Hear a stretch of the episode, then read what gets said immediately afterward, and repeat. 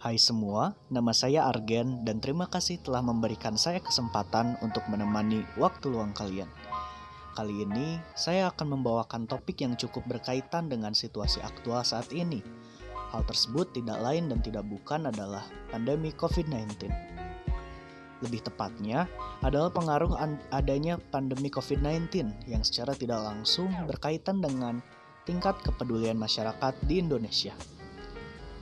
Tidak dapat dipungkiri lagi bahwa pandemi COVID-19 yang telah satu tahun lamanya berlangsung di negeri kita ini secara tidak langsung mempengaruhi berbagai sektor kehidupan masyarakat.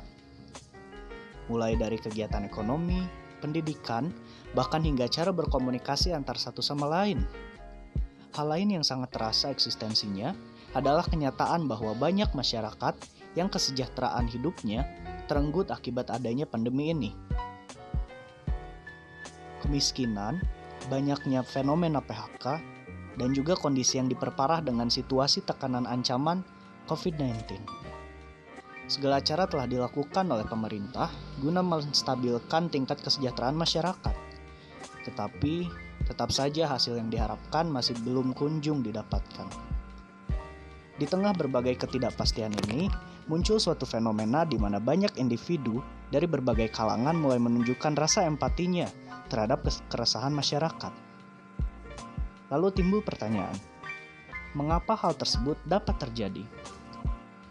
Seperti yang pernah disampaikan oleh guru besar bidang psikologi Islam dari Universitas Negeri Islam Syarif Hidayatullah Jakarta, Prof. Dr. Haji Ahmad Mubarak MA, beliau menyampaikan bahwa sekarang pemberian makanan kepada orang-orang di pinggir jalan dan di mana-mana telah menjadi fenomena kekinian – Hal ini bisa terjadi karena lebih lebih kepada spontanitas masyarakat yang bangkit kepeduliannya terhadap sesama. Di samping itu, beliau juga menyampaikan bahwa selain dari perorangan, ada juga yang dari kelompok, seperti kemarin ada dari partai politik yang membagikan ribuan box makanan.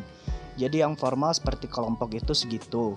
Tapi yang secara sosial dari pribadi-pribadi itu kalau di total semuanya malah lebih banyak jumlahnya.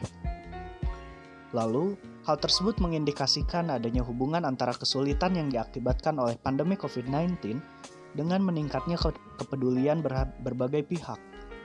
Sebenarnya, ada beberapa faktor di balik alasan mengapa seseorang dapat terdorong untuk membantu individu lain, seperti yang telah dijelaskan oleh Leininger, antara lain yaitu yang pertama, budaya mempengaruhi bagaimana kepedulian tersebut diekspresikan dan diwujudkan ke dalam tindakan. Lalu yang kedua, nilai yang dianut oleh individu berpengaruh terhadap proses pengambilan keputusan bagi seseorang, seperti bagaimana menentukan prioritas, mengatur keuangan, waktu, dan tenaga.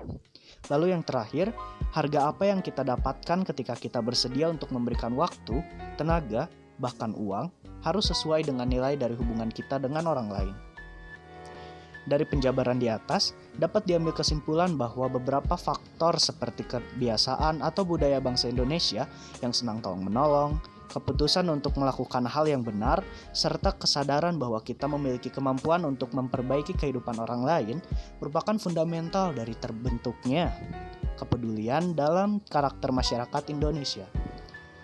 Terlepas dari apa pun motivasinya, baik itu murni karena ingin membantu orang lain atau bahkan sebagai sarana untuk melakukan pencitraan di depan publik, selama kita dapat memudahkan kehidupan sesama, maka lakukan saja hal yang mampu kita lakukan.